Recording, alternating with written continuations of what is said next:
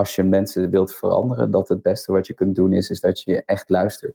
En dat je dus minder zelf aan het zenden bent als veranderaar, maar dat je probeert je te verplaatsen, empathisch te luisteren en te verdiepen in de ander. Je luistert naar Verhalen in Veiligheid.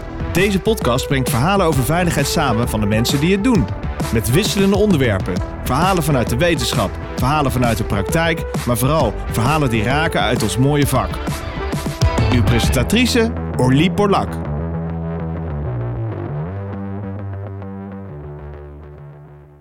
Welkom eh, luisteraars, het is weer tijd voor een eh, mooie podcast. Vandaag gaan we het hebben over gedrag en prikkels. En daar heb ik een expert voor gevonden, dus dat is heel leuk. Gert Slop, welkom. Voor de luisteraars een kleine introductie over wat hij allemaal kan en wat hij doet en waar hij werkt. Dat is altijd goed om te weten. Gert is gedragspsycholoog, spreker, hoofdstrategie en innovatie en werkzaam bij de Behavior Change Group. En daar doet hij natuurlijk ook allemaal goede onderzoeken en interventies en advies. Dus hij maakt nogal wat mee. En dat willen wij natuurlijk gewoon weten. Ik als interviewer, maar jullie als luisteraar natuurlijk ook. En laten we gewoon beginnen met de eerste vraag die bij mij oppopte. Menselijk gedrag. Iedereen praat erover. Maar jij bent degene die er gewoon ook verstand van heeft. Dus praat me eens even bij. Hoe kijk jij daar tegenaan?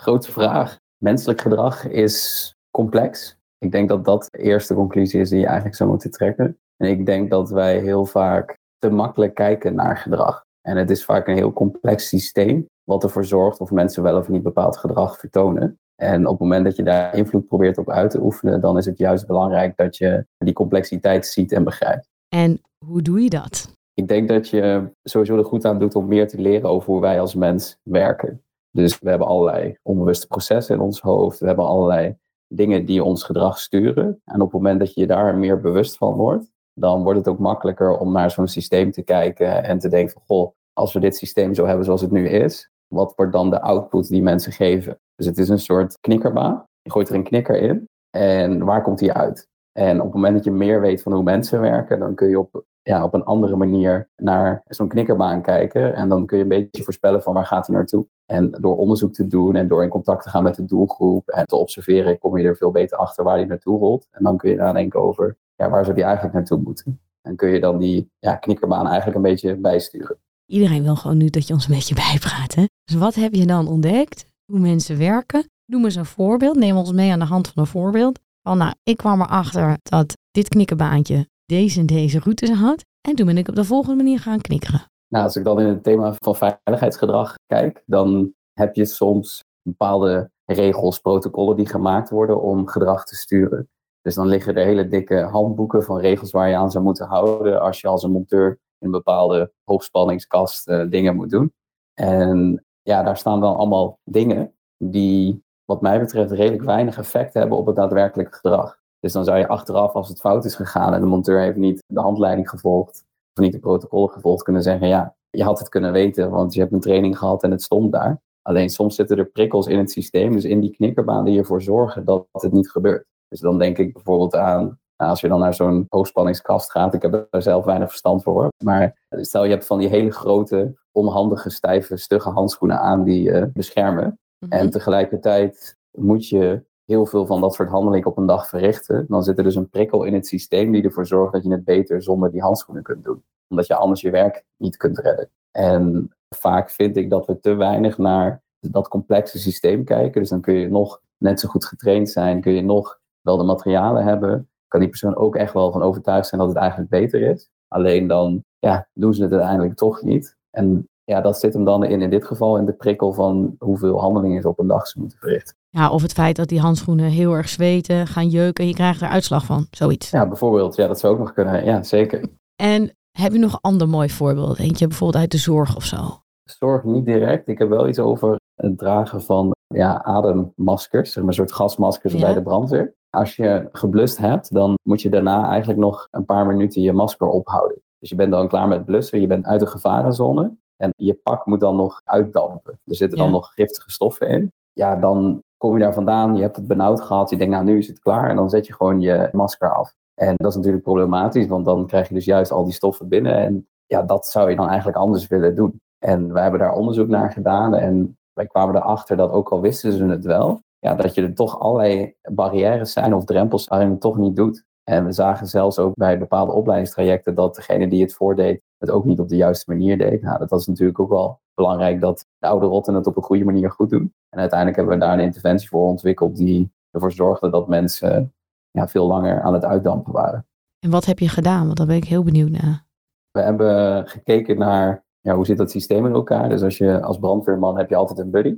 En je helpt eigenlijk zeg maar, aan de hand van een soort ja, lesmethode die we ontwikkeld hebben, help je je buddy.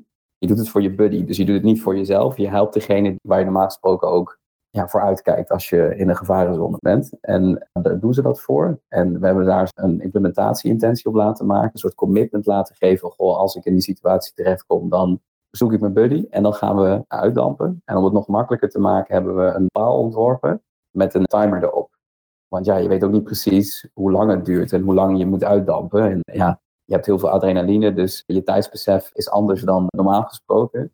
Dus dan staat er dus uit de wind, staat er dan een plek waar je dus kunt verzamelen. Dan druk je op de knop en dan zie je die timer weglopen. Dus het is ook gewoon een reminder, waardoor je dus fysiek daar weet van, oh, dan gaan we daar naartoe. En dan zie je die timer weglopen en dan, als dat klaar is, dan kan je masker af. En wordt dat gebruikt? Wij hebben toen het onderzoek hebben we getest. En dit was dan wel niet een echte, er is een echte brand, maar wel bij oefeningen en trainingen. En daar zagen we dat er echt een significante toename was van de hoeveelheid seconden dat mensen uitdappen. Helaas nog steeds niet de volledige tijd, maar wel echt een stuk dichter in de buurt. En hoe langer je dat doet, hoe minder giftige stoffen er natuurlijk nog van het pak afkomen. Ja, en ik hoorde je net iets zeggen over menselijk gedrag en prikkels. Dat we reageren op prikkels. Ik weet niet precies wat ik me daarbij voor moet stellen, maar ik ga ervan uit dat jij mij op weg kan helpen. Ja, prikkels. Er zijn eigenlijk heel veel ja, stimuli, dus dingen waar die op je afkomen. En dat kan echt allerlei verschillende dingen zijn. Dus als je over straat loopt, nou, dan zie je abri-borden met reclames. Je ziet een auto aankomen die je probeert te ontwijken, zodat je daar niet door aangereden wordt. Er zijn echt om je heen continu, zijn er ja, cues, dingen die je tegenkomt, die je gedrag al dan niet sturen, bewust of onbewust. En sommige dingen die zijn ook gemaakt om je te beïnvloeden. Dus bijvoorbeeld die reclameborden en dat soort dingen. Maar er zijn nog heel veel meer dingen die je, die je continu die op je pad komen en die je gedrag sturen. Dat is eigenlijk wat ik met een prikkel bedoel. Maar is dat het voornaamste waarop we bewegen, op die prikkels?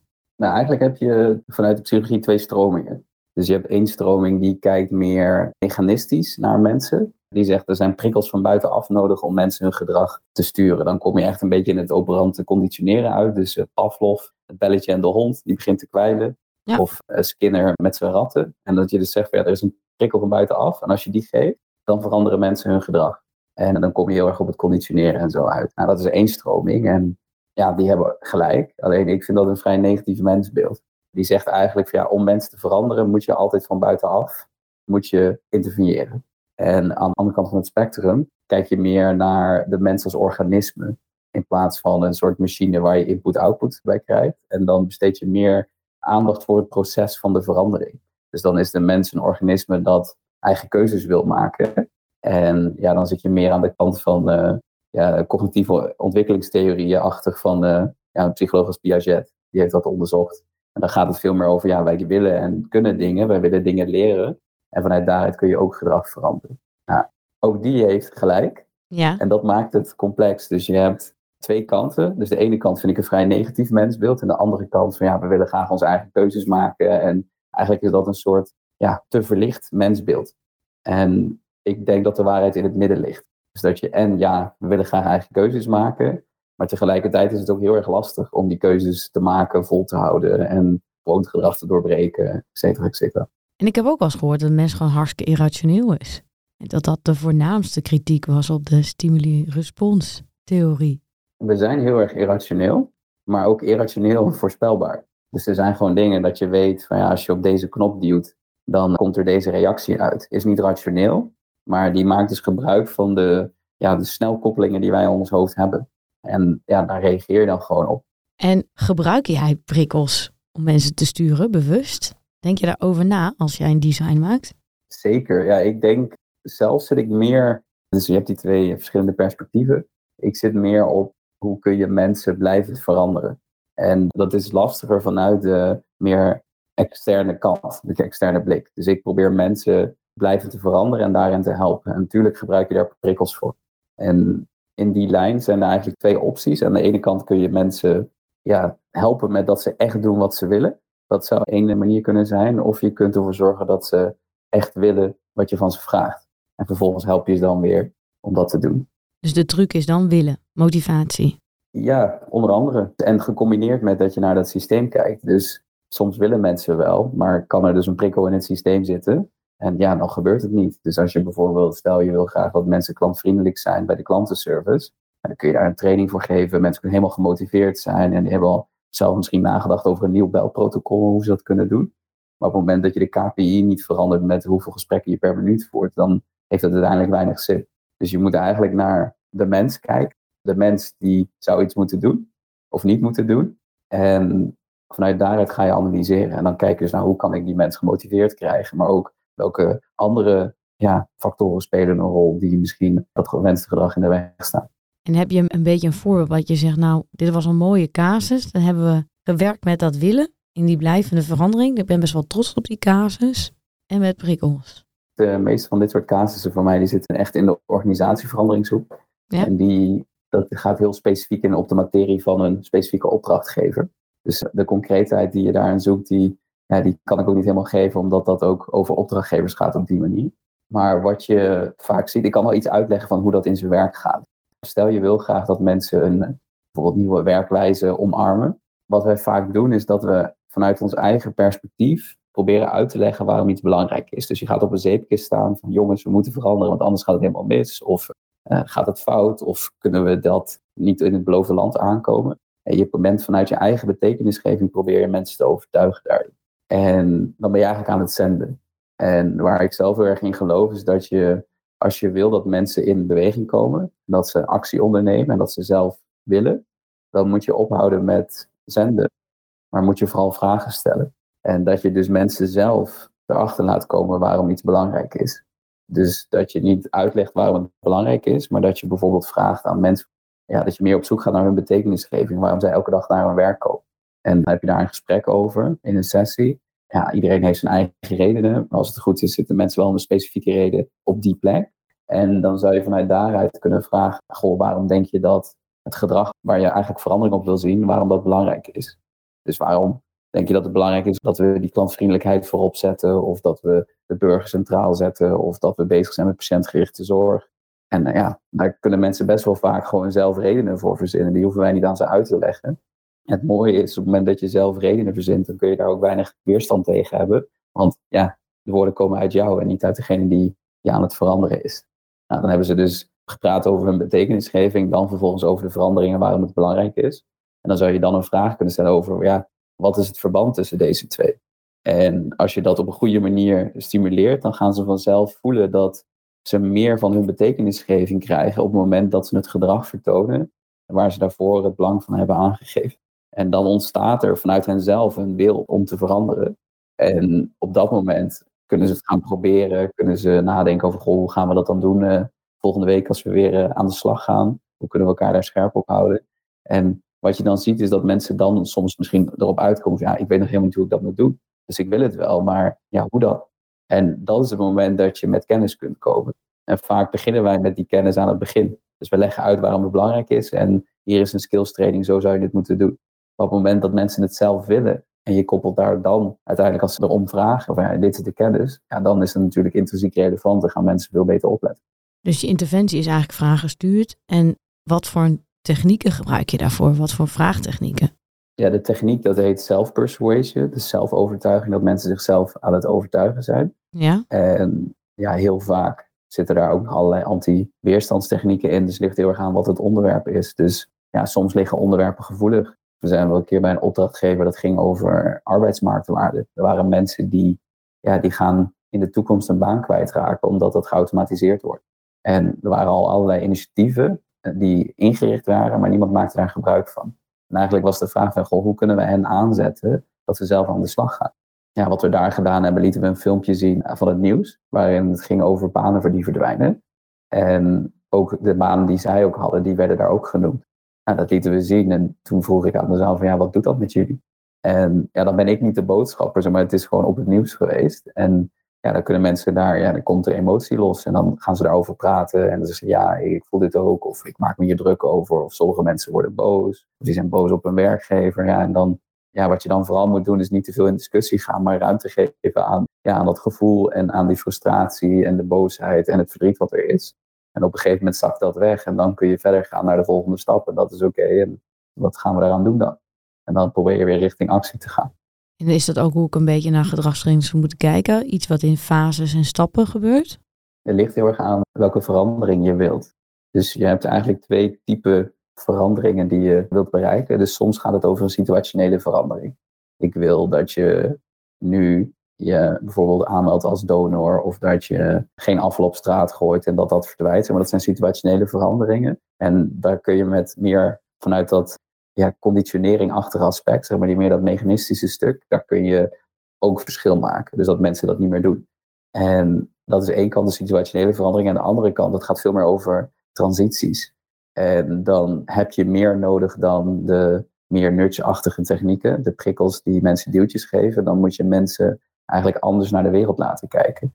En dat is veel complexer. En dan, dan kom je meer uit op de dingen die ik net aan het uitleggen was. Ja, en wat kunnen wij van jou leren als leek? Hebben we altijd een gedragsdeskundige nodig om deze technieken ons eigen te maken? Of zeg je nou met een paar simpele dingen kun je zelf ook wat meer effect bereiken eigenlijk in de sturing op gedrag? Ja, ik ben het met allebei de twee dingen eens. Dus ja, ik kan jullie wat tips geven. En anderzijds denk ik wel dat het heel complex is, waar ik ook al mee begon. Maar een van de belangrijkste dingen die ik fout zie gaan, is dat mensen langs elkaar heen praten. Ja. En dat zeg ik meer als mens dan als expert. En ik zie dat daar heel veel fout gaat. Dus we hebben allerlei aannames, vooroordelen, dingen die wij vinden, dingen die wij weten, die de ander nog niet weet, emoties die in ons omgaan, emoties die in de ander omgaan. En we zijn niet zo goed om dat van de ander in te schatten. En ik denk dat als je mensen wilt veranderen, dat het beste wat je kunt doen is, is dat je echt luistert. En dat je dus minder zelf aan het zenden bent als veranderaar, maar dat je probeert je te verplaatsen, empathisch te luisteren en te verdiepen in de ander. En als je daar ruimte aan geeft, dan krijg je gewoon een heel ander gesprek. En dan snap je opeens ook waarom dingen misschien niet gaan zoals ze gaan. En ja, kun je opeens een heel ander gesprek voeren, omdat je niet aan het luisteren bent om je gelijk te krijgen en een punt te maken, maar dat je aan het luisteren bent omdat je echt nieuwsgierig bent naar de ander. En als je elkaar dan gevonden hebt, dan wordt het veel makkelijker om samen ja, een nieuwe realiteit te maken dan dat je de hele tijd polariseert op de inhoud van waar je over in gesprek bent. En is dat misschien niet ook het probleem? Dat we in een samenleving nu werken die zo high speed is, met zoveel afspraken, met zoveel druk op efficiëntie, dat we niet meer de rust pakken om dit soort gesprekken te voeren? En dat we ook gewoon meteen resultaat verwachten van de ander? Een hele grote vraag weer. Ik denk dat wij in organisaties, als het gaat over verandering, dan blijf ik even daarbij, is dat we te lang wachten met veranderen en dat we veranderen meer als een tijdelijke staat. Dus we zijn bijvoorbeeld nu als gemeente niet wendbaar. Dat is iets wat niet net ontstaan is, maar dat is ontstaan zeg maar, over tijd heen. En nu moet het opeens anders. En dan heb je nu resultaat nodig. En dan wordt gezegd, nou, vanaf volgende week gaan we agile werken. En dan wordt er dus een nieuwe organisatiestructuur getekend die meteen resultaten moet gaan opleveren. Maar zo werkt verandering niet. Het is alsof je alles wat ooit was achter je laat en morgen alles anders moet doen. Dat is voor mensen heel onaangenaam en onprettig. En eigenlijk zou je, denk ik, het beste kunnen beseffen dat verandering continu overal altijd is. Dus dat je elke dag probeert met kleine stapjes te veranderen, zodat je het morgen veiliger, beter, sneller, mooier doet dan gisteren. En ik denk dat op het moment dat je dat beseft, van het is continu en niet een, nu even een fase van verandering en dan gaan we weer terug naar business as usual, maar dat het continu is, dat je dan inderdaad ook beseft dat je continu met elkaar moet blijven praten en dat je af en toe moet stilstaan om daarna weer vooruit te gaan. Dus te bezinnen en te reflecteren. Want dat is een essentieel onderdeel volgens jou in dat stapjesproces. Dat leren en reflecteren met elkaar. Ja, en ook als veranderaar. Hoe gaat het nu en waar staan we nu? En vaak zie ik dat bij die verandering hele snelle resultaten geboekt moeten worden. En ja, dus bijvoorbeeld, nou, even als het gaat over die productivity improvement, dat het dan gaat over, ja, we moeten nu zoveel besparen. En ik heb daar laatst ook een keer een sessie over gegeven. Ik zei, ja, eigenlijk is dat een beetje alsof je zegt, van, ja, we hebben rotte tanden, die moeten getrokken worden. En dan kun je over vijf jaar weer andere tanden trekken, want dan kom je weer op hetzelfde punt uit. Ik zei, of ja, ik weet dat je nu moet besparen, maar hoe ga je ervoor zorgen dat je cultuur krijgt waar mensen continu aan het nadenken zijn over hoe kan ik het sneller beter doen? Zodat we meer impact maken op onze betekenisgeving en onze opgave in de buitenwereld. En dat is eigenlijk dan tandenpoetsen. Dus hoe zorg je ervoor dat iedereen elke dag tanden poetst, zodat je geen tanden hoeft te trekken. En de haast en er moeten nu resultaten komen en eigenlijk meer die mechanistische kijk zorgt ervoor dat je dus mensen niet laat nadenken, maar gewoon elke vijf jaar weer komt met een nieuwe ronde van ja, er moeten tanden uit. Mooi. Dank je wel voor deze podcast. En eigenlijk een soort mini-college hebben van je gehad. Graag gedaan. Ik weet niet of we het na kunnen doen, maar we gaan ons best luisteren en meer tijd voor elkaar nemen. Dat is dan een hele opgave, maar dat kan iedereen, denk ik wel. Mooi. Nou, veel succes daarmee. Dank